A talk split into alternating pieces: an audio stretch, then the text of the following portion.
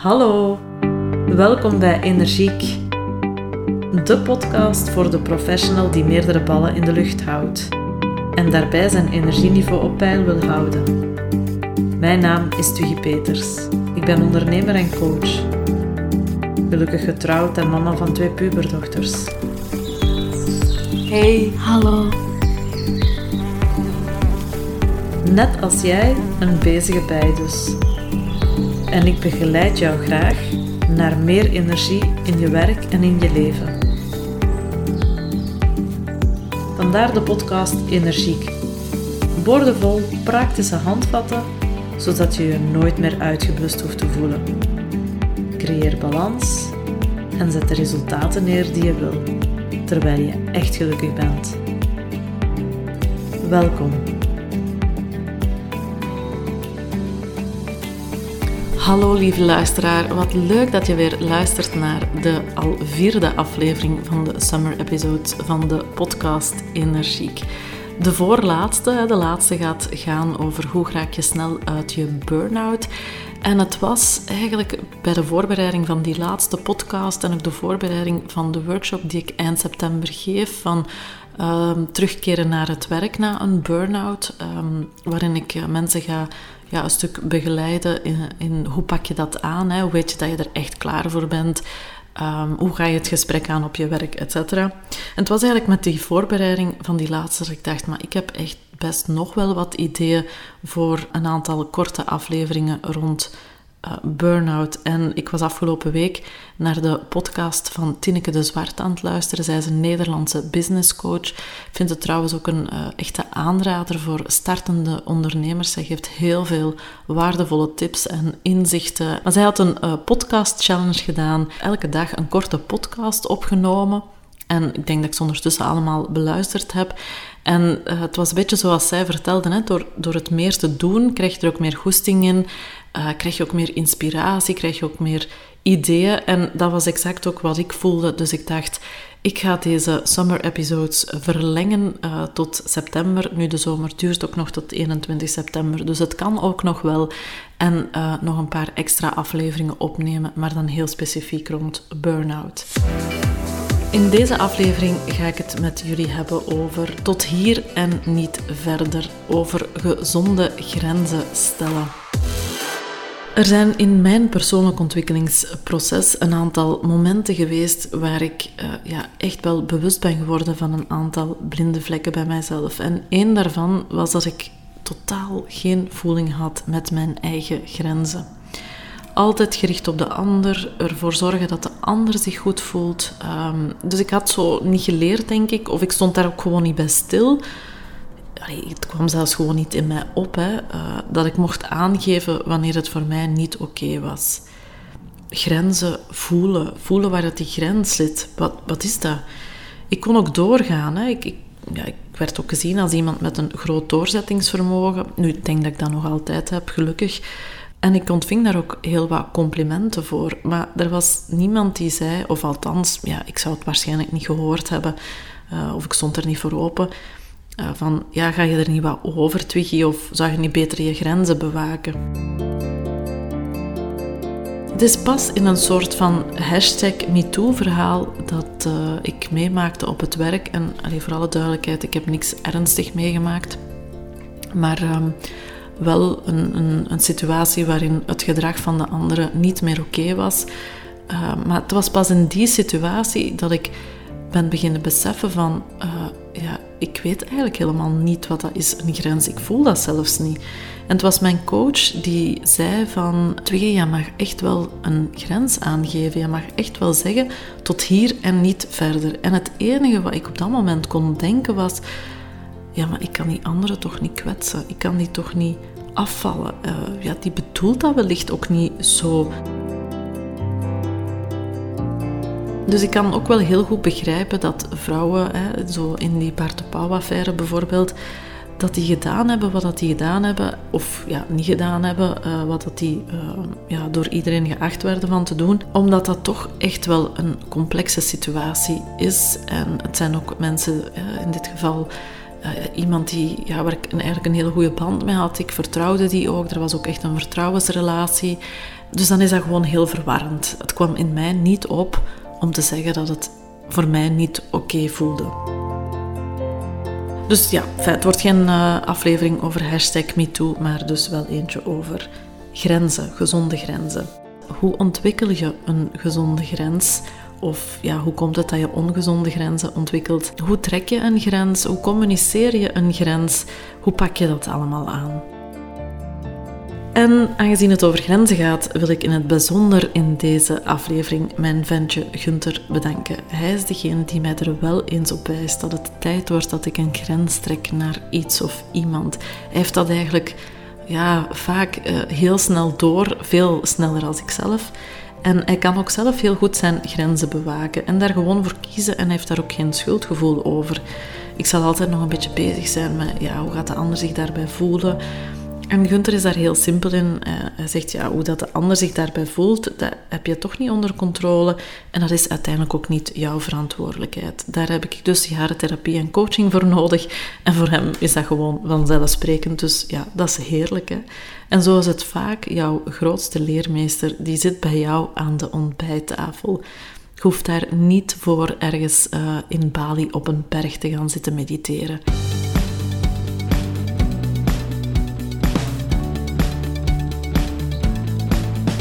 Hoe ontwikkel je gezonde of uh, ongezonde grenzen? Als baby word je geboren als een spons. Als baby ken je dan niet grenzen. Je hangt volledig af van de anderen, van je ouders, van uh, jouw caretakers om te overleven. Dus je hebt de behoefte om te verbinden. Dat is bij wijze van spreken jouw aangeboren instelling. Daarmee komen we op de wereld. We moeten ons verbinden met onze ouders om gewoon te kunnen overleven. Maar we hebben ook een andere behoefte en dat is de behoefte aan autonomie of authenticiteit. En die gaat zich gaandeweg ontwikkelen. Hè. Autonomie gaat over jouw innerlijk kompas kunnen volgen, gaat eigenlijk over jouw eigen kunnen zijn, jouw eigen weg kunnen gaan, in jouw eigen ikje kunnen staan. Maar het gebeurt hè, dat het kind opgroeit en het begint uh, de eigen weg te gaan ontwikkelen of het vinden van de eigen authenticiteit. Maar het uh, merkt dat dit een bedreiging vormt voor de verbinding. Hè. Dus wanneer het kind kiest om in de volle autonomie te staan, wordt het afgewezen door de ouders, door de mama of de papa. En met andere woorden wordt de verbinding verbroken op dat moment. Maar dat is vaak met de beste intenties, hè, omdat de ouders het kind veilig willen houden, weg van gevaar of omdat ze ja, leven volgens bepaalde overtuigingen die ze aan hun kinderen willen meegeven, ook weer met de beste intenties, zodat ze later gelukkig kunnen zijn in het, uh, in het werk. Dus het hoeft niet noodzakelijk om extreme gezinssituaties te gaan. Natuurlijk, als je in een gezin opgroeit met ouders met een onderliggende psychische kwetsbaarheid, zoals een depressie of een verslaving of borderline of narcisme of uh, ja, die aspecten, dan gaat het kind natuurlijk al heel snel leren dat het niet veilig is. Hè, maar echt niet veilig is om voor die eigen autonomie te kiezen. En dan gaat het uh, kind vaak heel erg gaan zorgen voor de ouders in plaats van andersom, zodat ze toch maar die verbinding, die waardering, die erkenning kunnen in stand houden. Die strategie die leidt ook vaak tot het ontwikkelen van een grote people pleaser, waardoor eigen grenzen eigenlijk niet meer worden gevoeld en ook niet meer gerespecteerd worden. Hè. Of het omgekeerde, het kind gaat uh, een beetje een muur optrekken, gaat zich er buiten zetten en laat nog moeilijk iemand toe. Dus het hoeft echt niet over uh, extreme of toxische gezinssituaties te gaan. Het zit hem ook gewoon in de dagdagelijkse gebeurtenissen, hè, waarbij de ouder het kind probeert veilig te houden, maar wat voor het kind uh, op dat moment aangevoeld wordt als een bedreiging of een afwijzing. Um, zo had ik een uh, cliënt, ja, dat was iemand die toch wel op uh, hoog niveau sportte, dus die ja, regelmatig in de week uh, moest gaan trainen en dan in het weekend wedstrijden had. En dat hij dan op zondagmiddag toch even op de bank, gewoon in de zetel, wou rusten.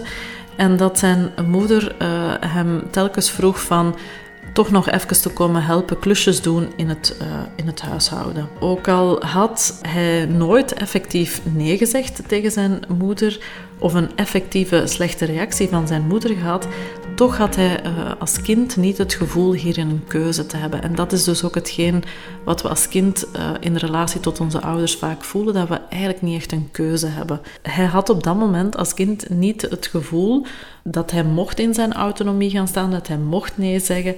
En dus uh, in plaats van te blijven rusten op de bank, ja, ging hij zijn moeder helpen in het huishouden. Dus hij wou zijn moeder niet teleurstellen en dat patroon zo van eventjes, eventjes nog dit en eventjes nog dat, um, dat zette zich voort in zijn volwassen leven. Hè. Dus ondanks dat het lichaam schreeuwde om rust, zette, ja, zette die door op het werk, uh, thuis, in zijn gezin, bij vrienden en ja, met alle gevolgen van dienen dat hij um, op een bepaald moment uh, ja, volledig uitgeput was.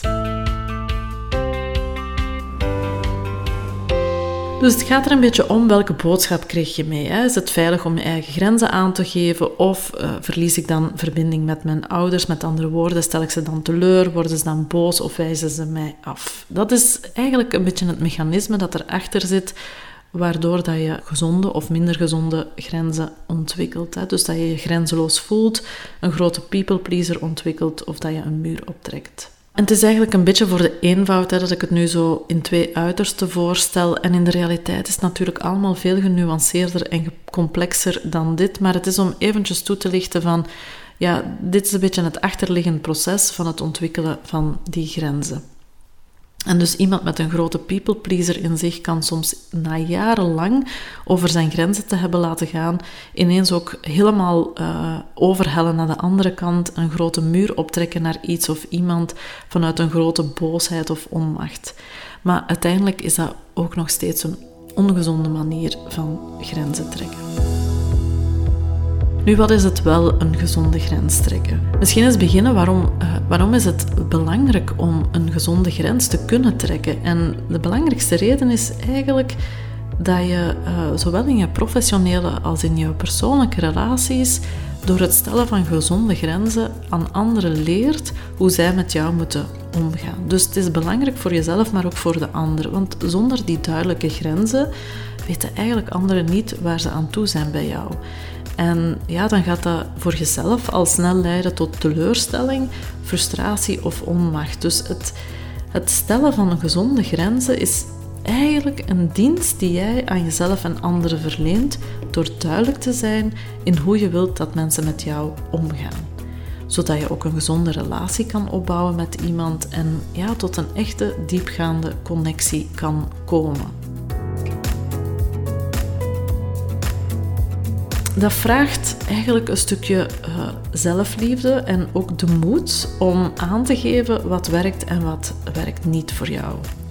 En uiteraard, dan komen we weer op het punt, dat houdt het risico in dat de andere zich uh, teleurgesteld voelt. Dus een gezonde grens trekken vraagt ja, die zelfliefde, die, dat vraagt moed om aan te geven wat werkt en wat werkt niet, met het risico dat de andere zich teleurgesteld voelt. Dat is eigenlijk een gezonde grens trekken. Maar om te weten wat werkt en niet werkt voor jou, moet je natuurlijk jezelf ook kennen. Moet je weten wat belangrijk is voor jou in je leven, wat jouw waarden zijn. Moet je uh, zelfbewustzijn ontwikkelen. Mensen die gezonde grenzen kunnen aangeven, die weten waarvoor ze staan en die durven daar ook voor te gaan staan. Dus het begint eigenlijk met die liefde voor jezelf te ontwikkelen. En die zelfliefde, en ja, ik zeg dat vaak, zelfliefde en zelfzorg gaat in essentie niet over het nemen van een badje of een weekendje weg met vriendinnen. Zelfzorg gaat in essentie over het doen van die dingen die belangrijk zijn voor jou, die jou energie geven en die ervoor zorgen dat jij de energie kan blijven delen die jij wilt delen. En dat vraagt een stuk mildheid naar jezelf, dat je nee mag zeggen tegen een verzoek van buitenaf om jouw eigen energie te bewaken. En we denken nogal snel dat dat egoïstisch is, maar dat is niet zo. Dat is gewoon echt broodnodig om ja, de ouder, de leidinggevende, de partner, collega te kunnen zijn die jij wilt zijn. Wil jij meer leren over zelfzorg en hoe daar vorm aan te geven, dan kan ik jou zeker ook de tweede uh, aflevering van de podcast Energiek aanraden. Die gaat over zelfzorg en uh, waarbij ik jou in vier stappen meeneem in hoe je meer zelfzorg kan inbouwen in je leven. Een gezonde grens uh, trekken betekent dus dat je eigenlijk goed weet wat jouw waarden zijn, wat belangrijk is voor jou en dat je hiervoor kan kiezen vanuit die zelfliefde met mogelijk het uh, risico op teleurstelling bij de ander. Voor mensen met nog te weinig gezonde grenzen leidt dat heel vaak tot een schuldgevoel. En vanuit het schuldgevoel gaan ze zichzelf vrij snel opnieuw opzij schuiven en uh, beginnen ja, te gaan people pleasen. En hierdoor raak je zelf meer en meer ontgoocheld of teleurgesteld en verlies je jezelf. En dat is vaak ook het gesprek met cliënten, dat ze willen dat ze die gezonde grens kunnen aangeven. En daar mag alleen maar een positieve reactie van de ander tegenover staan. Maar zo werkt dat natuurlijk niet. Hè? Als mensen gewoon zijn van jou dat je altijd ja knikt en nu ga je nee zeggen, dan is dat ook even schrikken voor hen. Hè? Dan, uh, ja, dan, dan gaan ze dat niet leuk vinden. Maar gaandeweg, als jij erin slaagt om in die spanning te blijven en dus hè, niet uh, terug hervalt in toch maar je eigen grens opzij te zetten om je aan te passen aan de ander, ga je merken dat na verloop van tijd de meeste mensen dit wel oké gaan vinden en gaan begrijpen. En soms zelfs gaan eigenlijk opkijken naar jou dat jij zo goed jouw grenzen kan aangeven. En wanneer die andere het toch niet begrijpt, is het misschien ook tijd voor jou om het belang van die relatie eens onder de loep te nemen. En of je niet, wat, ja, niet beter wat afstand uh, houdt om je eigen grenzen te bewaken. Hoe trek je nu een gezonde grens? Stap 1 is dus, word je bewust van je eigen grenzen. Ja, en dat is, dat is vaak al een hele moeilijke stap, want mensen zeggen wel uh, ja, in, in, coaching tegen mij van, ja, maar ik voel het niet eens. Hè. Het is pas achteraf dat ik doorheb van, oei, nu, uh, nu zijn ze over mijn grens gegaan.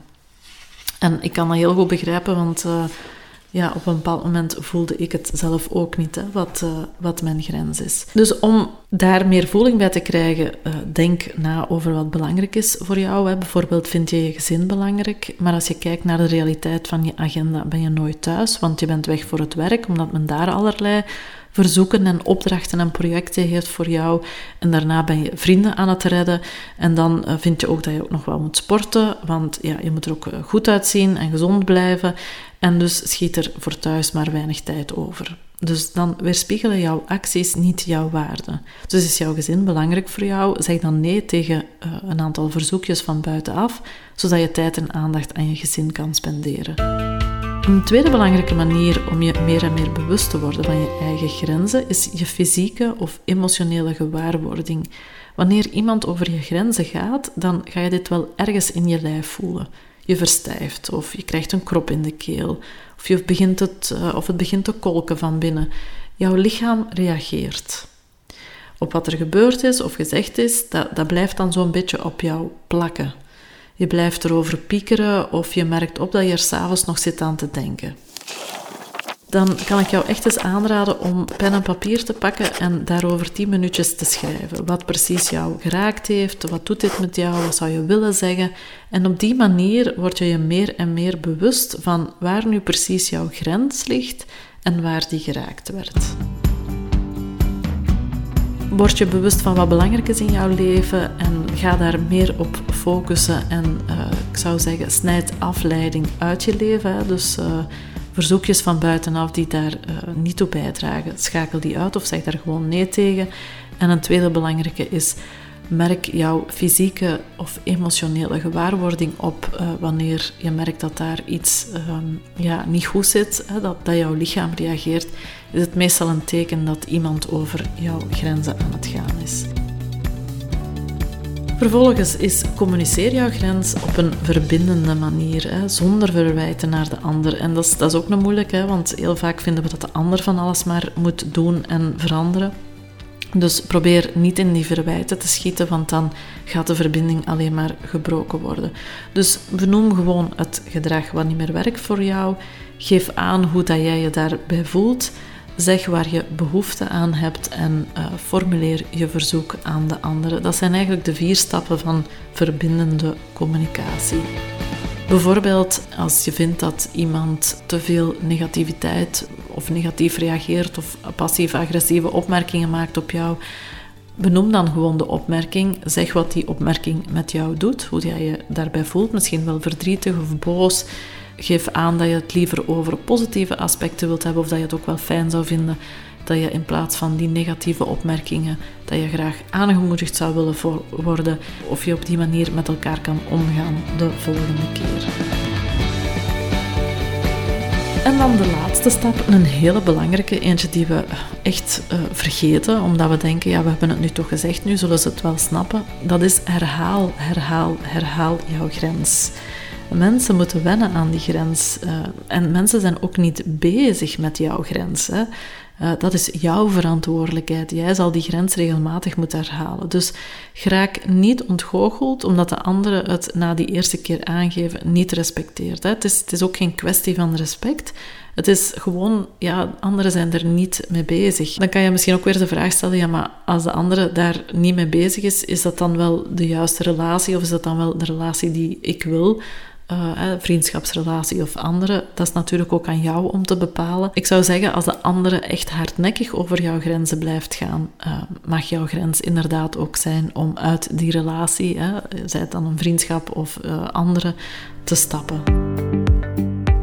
Dit was het tot hier en niet verder over gezonde grenzen trekken. Vind jij het lastig om een gezonde grens te trekken? Voelt dit erg beangstigend? Ben je bang om anderen teleur te stellen? En zorgt dit er keer op keer voor dat jij je laat meeslepen in iets wat je eigenlijk niet wilt? Of voel jij een muur om je heen staan die je verhindert om echte verbinding te maken met anderen? Neem dan contact op, twiggy.energy-coach.be.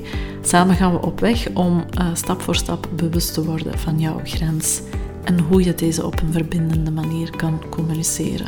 Want ik hoor het heel vaak, uh, met mijn hoofd weet ik echt wel hoe het moet.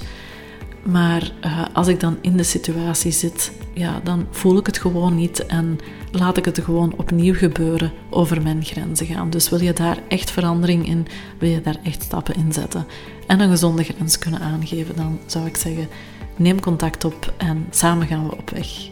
En zoals steeds ben ik erg benieuwd naar wat je ervan vond van deze aflevering. Dus dat mag je mij altijd laten weten. Uh, of je misschien nog vragen hebt erover, kan ook. Wat ik ook heel leuk vind, is dat je een fotootje stuurt via Instagram wat je aan het doen bent als je deze aflevering aan het beluisteren bent. Nog een uh, fijne dag en tot de volgende aflevering. Bedankt voor het luisteren naar Energiek. Ik ben Twiggy en ik wil dat jij als drukke professional je energieniveau op peil houdt. Haal je energie en bruikbare tips uit deze podcast en wil je dat anderen hier kunnen van meegenieten? Deel deze podcast met jouw vrienden, familie, collega's of geef deze podcast een review. Dat zou ik heel fijn vinden. Ik wens je nog een energievolle dag en tot de volgende aflevering.